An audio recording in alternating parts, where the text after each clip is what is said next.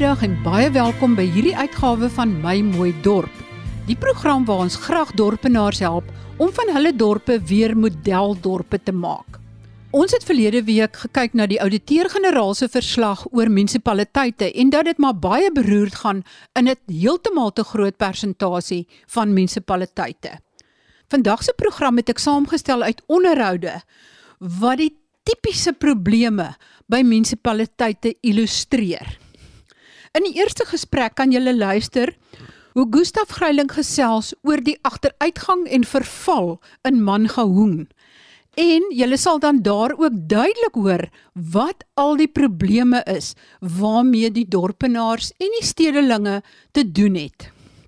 In die tweede gesprek is 'n tipiese voorbeeld van besoedeling van water met riool.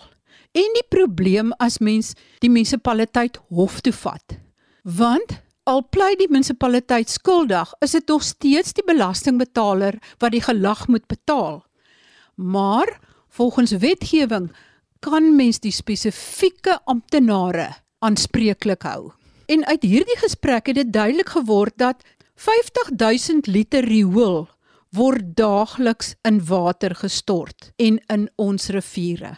In die derde gesprek kan jy hoor hoe 'n desperate bankrot munisipaliteit skielik agtergekom het. Hulle is bankrot en wat die voorstelle dan is wat daar gedoen kan word.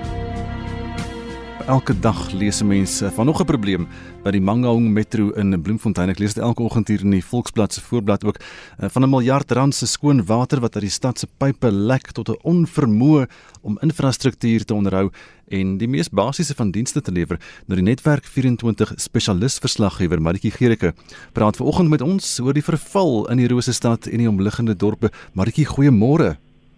Goeiemôre. Welkom by RSG en dankie dat jy met ons gesels. Dis dis moeilik om kop te hou uh met alles wat skeefloop daar in Bloemfontein.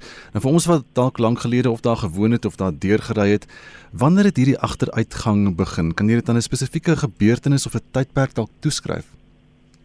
Ja, beslis, dit, dit was oor 'n baie lang tydperk.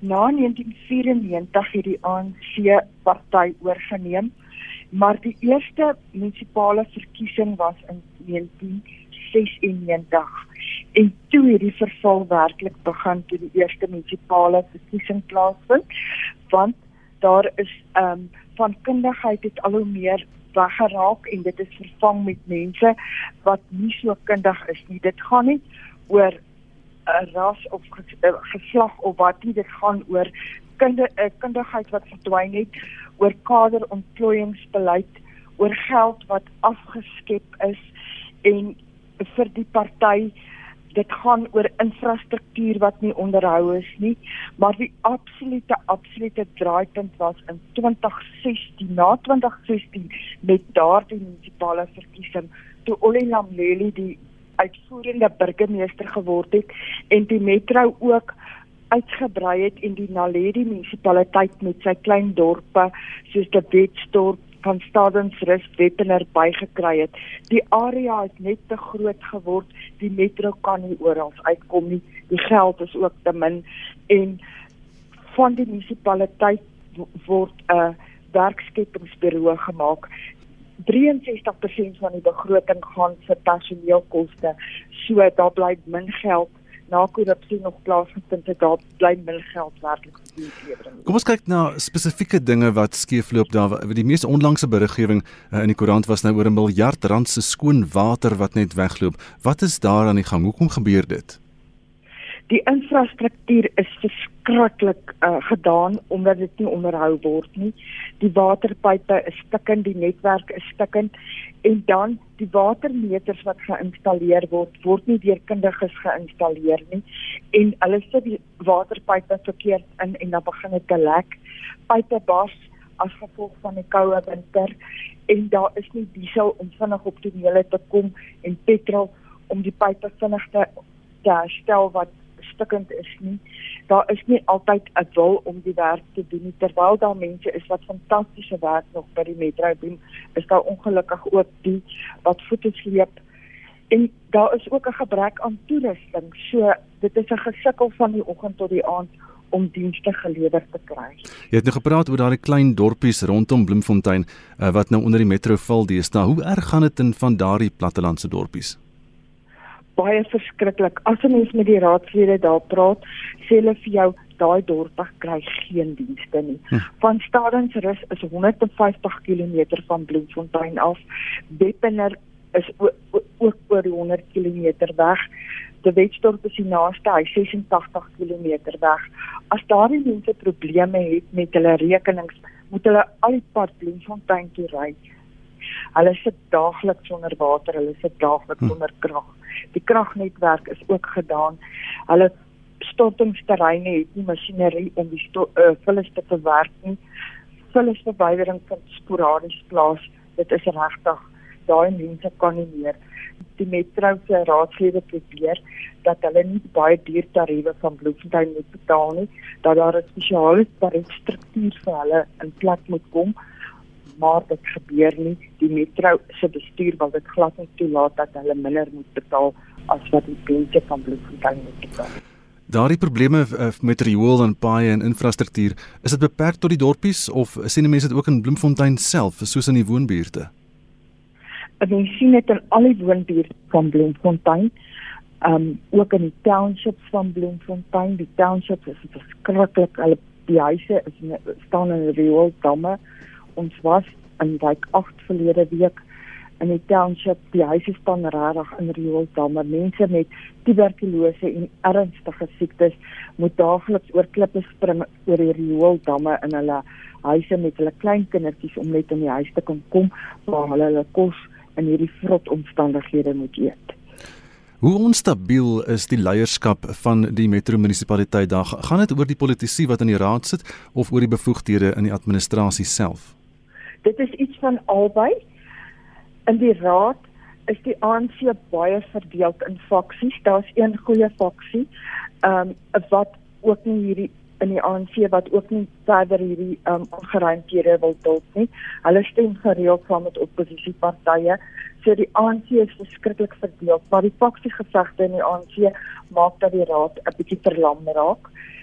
In die in die administrasie is daar mense wat goeie werk wil doen en wat daagliks nog goeie werk wil doen, maar hulle word ehm um, mismoedig oor alles wat daar aangaan want daar is 'n klomp mense wat voete sleep wat nie die kundigheid het nie wat nie die wil het om te werk nie.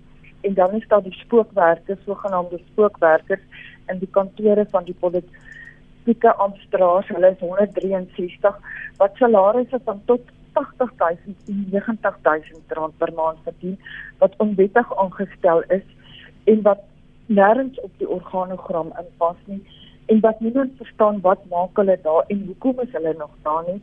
En die mense wat regtig vir hulle geld baie hard werk raak mismoedig deur hierdie groep wat daar is en wat hierdie meer geld as hulle verdien en wat niemand kan verklaar hoekom is hulle daar nie Jy het gepraat nou-nou van die van die beskikbare geld. Daar's onlangs 'n begroting nou deur die raad gevoer waarteen die oppositiepartye heftig gekant was, meer as 8 miljard rand. Hoekom die groot uh, teenkanting? Gaan dit uh, oor die tariewe? Dit gaan oor die tariewe wat onbekostigbaar raak vir die mense van Bloemfontein. Maar dit gaan veral ook oor hoe die begroting deurgestem is. Mm -hmm. Hy is onwettig. Al die politieke partye was reeds by hulle regsverteenwoordigers en het regsopinies bekom. Die begroting, die wet sê daar moet 50% van die raadslede teenwoordig wees in so 'n begroting en daar moet meer as 50% uh moes vir die uh, begroting gestem het wat nie gebeur het nie. Daar was verskille oor hoe die uh, stemme getel was verlede Vrydag aand en die spreker het nooit verklaar hoeveel mense buite stemming gebly het nie. So daar is van die oppositiepartye sit tans by hulle regsverteenwoordigers en hulle beraam planne om die begroting te te laat verklaar omdat dit onwettig deurgestem was. En volgens hulle uh inligting wat hulle van hulle regsadviseur gekry het, is die begroting onwettig. En nou is die vraag gaan daaroor gestem moet word vir die begroting. As die begroting nie voor 1 Julie uh, reg goedgekeur is nie, dan moet die raad ontbind en dan moet daar 'n tussenverkiesing in Mangaung kom. Hm. So dit is die begroting is tans 'n verskriklike groot kwessie by die metro. En en gepraat van die begroting, daar da was ook 'n berig gewees dat baie van die geld wat hulle van die tesourier af kry net eenvoudig teruggaan uh, en nie gebruik word nie. Ja, daar is gelyke beregtingstoelaas, klomp staatstoelaas wat die ehm um, voorwaardelike toelaas. Die toelaas word van die nasionale regering gegee op voorwaarde dit moet byvoorbeeld die gelyke beregtingstoelaas vir goed soos infrastruktuur gebruik word. Dan word hierdie toelaas verkeerd aangewend. Dit word gebruik om hierdie hoë salarisrekenings te betaal. En dan is dit 'n hele proses van die ouditeur-generaal bevind dat dit was onreëlmatig hmm. en dan moet die geld teruggestuur word na nasionale tesorie en dit veroorsaak weer 'n dilemma dat in die volgende boekjaar soos nou een boekjaar moes oor oor die 300 miljoen in een jaar teruggegee word aan nasionale tesorie nou is dan nie geld vir dienslewering nie want hulle moet nou nog hierdie skuld nou weer terugbetaal aan nasionale tesorie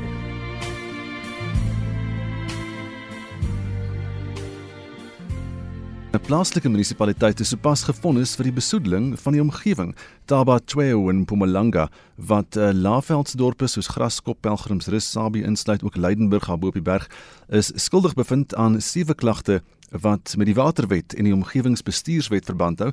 Hulle moet nou 5 miljoen rand opdok en 'n verdere 5 miljoen is opgeskort vir 5 jaar met streng voorwaardes en die omgewingsjoernalis Elise Tempelhof uh, wat oor die algemene stand van die omgewing skryf altyd gesels vanoggend met ons hieroor. Goed of sleg uh, hoe die omgewing uh, in Suid-Afrika daar uitsien Elise goeiemôre. Goeiemôre Gustaf. Baie dankie vir die geleentheid om hier oor te praat. Dit is Dit is baie belangrik. Ja, absoluut. Ja, geweldig belangrik. En wat het nou hier in Taba Tweo gebeur in in, in die Laagveld of daar op die skarp daar by by tussen die Hoofveld en die Laagveld amper? Dit lyk of die munisipale bestuurder nou sommer gaan skuldig pleit dit in die hof en dit gaan ja. lyk my oor riool. Wat is daar aan die gang? Weet jy, um, ek wil vir jou sê dit is die tweede keer uh, dat 'n uh, munisipaliteit, munisipaliteit uh, skuldig bevind word aan uh, rioolbesoedeling mm -hmm. van ons water weer. Die heel eerste eet dit was nogal 'n baie 'n stap in die regte rigting in die waar die Wesrand munisipaliteit. Ehm um, een mens, eh uh, Martian van Vieren het vir 6 jaar gesukkel om die Wesrand distrik munisipaliteit in die hof te kry omdat hulle stort. Hy het ook gesien hoe die mense hoe die uh, amptenare stort. 'n riool stort en ander afval in die riviere. En die plaaslike owerheid het ook skuldig gepleit. Maar die probleem is wat ons nou hier het. Hoewel dit nou 'n vorentoe 'n stap vorentoe is, hmm. is die feit dat die munisipaliteite word nou gefonnis en hulle moet nou die ehm um, boetes betaal. Maar op die ou end is dit ek en jy wat die boete betaal. Die belastingbetaler. Die belastingbetaler betaal die boete. So hmm. wat moet gebeur eintlik, hoewel hierdie baie positief is, is dat die munisipale bestuurders en die amptenare die boetes moet betaal uit hulle eie sakke uit. Nou ek wil net gou vir jou hierso lees, die Suid-Afrikaanse Menseregte Kommissie het in 2020 2019 het hulle 'n hele verhoor gehou oor die hele land. Hulle hulle opsomming was dat hulle sê nou dit is nou in Engels maar ek gaan dit in Afrikaans vertaal. Yeah. Yeah. Hulle sê dat die rioolprobleem in Suid-Afrika se krisis Hulle het hier spesifiek gefokus op die Vaalrivier. 19 miljoen mense is op die Vaalrivier aangewese vir sowel drinkwater, vir huishoudelike gebruik en kommersiële gebruik. En hulle het gesê dat en dit geld vir die hele land se munisipaliteite. Officials in non-compliance with legislation must be dismissed. Corruption to be referred to the public protector and the SAPS. Dit kom daarop neer dat hierdie mense en die waterwet sê baie duidelik. As 'n persoon, soos 'n munisipale bestuurder of die hoofuitvoerende amptenaar van 'n myn, hy is die verantwoordelike persoon dat daardie instansie behoorlik funksioneer. So dit is nou dit is definitief 'n stap in die regte rigting hierdie uh, wat in Tabachio gebeur het. Maar op die ou end is dit die belastingbetaler wat uh, wat moet opdok. Want waar gaan die geld vandaan kom? Dit moet uit hierdie mense se sakke kom. Ek het nou 'n vinnige ehm um, toetog gedoen en gesien dat munisipale bestuurders in Suid-Afrika kry jaarliks salarisse van 540 000 rand tot 1,2 miljoen. Ja, dis baie geld. En waar en kyk hoe lyk ons ehm um, rioolafval ehm um, werke.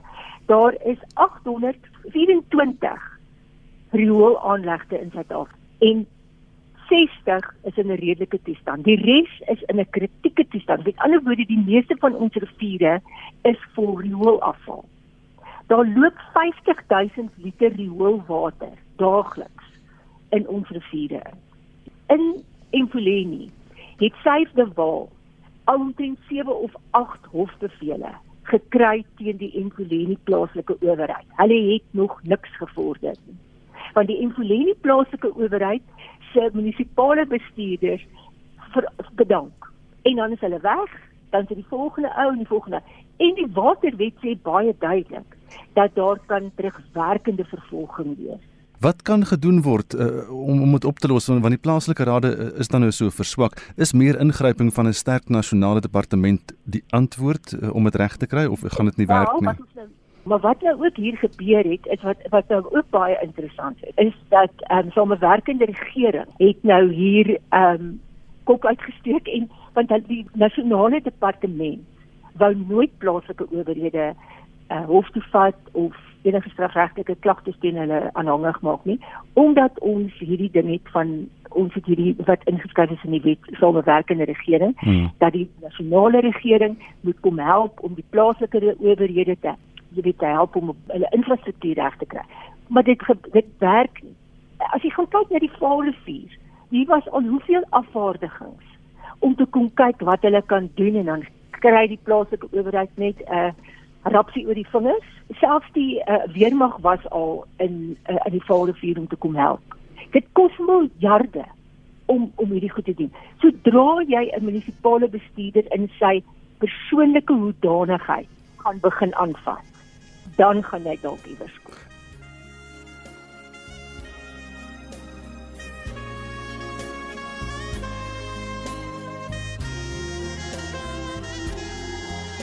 Die Amahlati munisipaliteit in Stadterheim in Oos-Kaap is in 'n benarde finansiële posisie, soveel so dat hy sukkel om salarisse te betaal.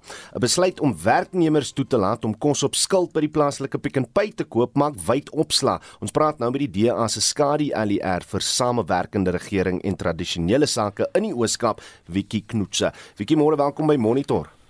Um, op hierdie stadium het, het ons regtig nog nie baie inligting in terme van die stipulasies van hierdie ooreenkomste met Pick n Pay nie. Ons is eintlik ook nie seker of Pick n Pay vorentoe gekom het en aangebied het uh om hierdie diens uh aan die mense te bied nie en of hulle genader is deur die munisipaliteit nie. So op hierdie stadium is daar regtig verskriklik baie onduidelikheid in terme van watse prosesse en prosedures gevolg is om hierdie ooreenkomste in plek te sit. En dit is iets waaroor ons nou um, met die MS uh, of met die LER sal praat mee sodat ons meer inligting kan kry oor presies hoe hierdie ooreenkomste ontstaan het. Die feit dat daar wel so 'n reëling getref is, uh, wat gaan julle benadering wees uh, in terme van antwoorde en wat sou die die hoofkwessie wees hier uh, in 'n munisipaliteit waar waar mense nood het uh, om geld te kan koop want as jy geld vir salarisse nie. Kyk, dit is iets wat ons baie versigtig ehm um, gaan moet benader of wat hierdie munisipaliteit baie versigtig gaan uh, moet benader. Op hierdie stadium uh, blyk dit dat hulle net 'n miljoen rand in hulle bankrekening het wanneer ehm um, net salarisse en lone alleen hulle klaar 11 miljoen rand per maand kos. So ek ek sou baie baie versigtig wees as ek enige dienslewerer uh, raar was in in terme van die omstandighede waarin hierdie munisipaliteit hulle self bevind op die oomblik. As jy met 'n skamele miljoen rand as as munisipaliteit aan jou bankrekening sit en jy weet jou salaris uh, betaling elke maand sit jy om en by 11 miljoen rand, dan moet jy as munisipaliteit nou baie naby of of, of reeds op die drempel wees om onder administrasie geplaas te word. Weet ons hoekom hierdie munisipaliteit nou nog nie op administrasie geplaas is nie?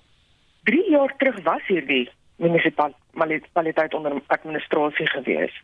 En die administrasie is gelig. nomtrent net voor die verkiesing in in 2019. Ehm uh, met absolute geen verskil nie. As ek julle net uh, kan inlig, die hulle het op die oomblik skuld van 83 miljoen rand waarvan 25 miljoen rand aan Eskom geskuld word. Hulle invordering op die oomblik staan op 64% teenoor die nasionale tesourier doel, uh, doelwit van 95%. Finansieel gaan dit baie baie sleg met hierdie um, munisipaliteit. Dinge het regtig begin skeefloop in Amaglati toe hulle die standaardisering gedoen het van die salarisse en lone in 20, in 2014. En ehm um, dit was gedoen sonder enige finansiële implikasie projeksies. En dit is werklik te dinge begin het om buite beheer te raak. So wie moet dan verantwoording doen vir hy besluit net voor die die eh, plaaslike verkiesing om om om om die administrasie te lig? Dit is waar die provinsiale uh, regering ehm um, moet pa staan vir daardie besluit. En weet julle 'n uh, groot rede vir die situasie waarin Amaglati hulle self bevind is weer eens omdat die provinsiale regering in die Oos-Kaap nie vinnig genoeg ingryp wanneer hulle sien plaaslike regerings is in die moeilikheid nie. Julle sal onthou, seker so 2 jaar terug is die Amatoli distrik munisipaliteit ook in die Oos-Kaap. Skielik net die oggend 'n uh, eh, uh, laat weet hulle is nou um, glad nie meer in 'n posisie om salarisse of krediteure te betaal vir die volgende paar maande nie. Dit is amper asof hulle oornag wakker geword het en besef het hulle kan nie meer hierdie salarisse betaal nie. En dis amper nou presies dieselfde situasie met hierdie munisipaliteit en die provinsiale regering wil hulle hande in onskuld was en sê dat dat dit is nie hulle verantwoordelikheid nie wanneer hulle 'n grondwetlike mandaat het om in te gryp in plaaslike regerings wanneer hulle in hierdie situasies kom. Ja, dit was die DEA se skadu LER vir samewerkende regering en tradisionele sake in die Oos-Kaap, Wiki Knoetse. Dit dan die tipiese dinge wat verkeerd loop by munisipaliteite in ons land. Volgende week kyk ons na 'n paar positiewe voorbeelde. Tot volgende week dan. Baie groete van my, Marie Hudson.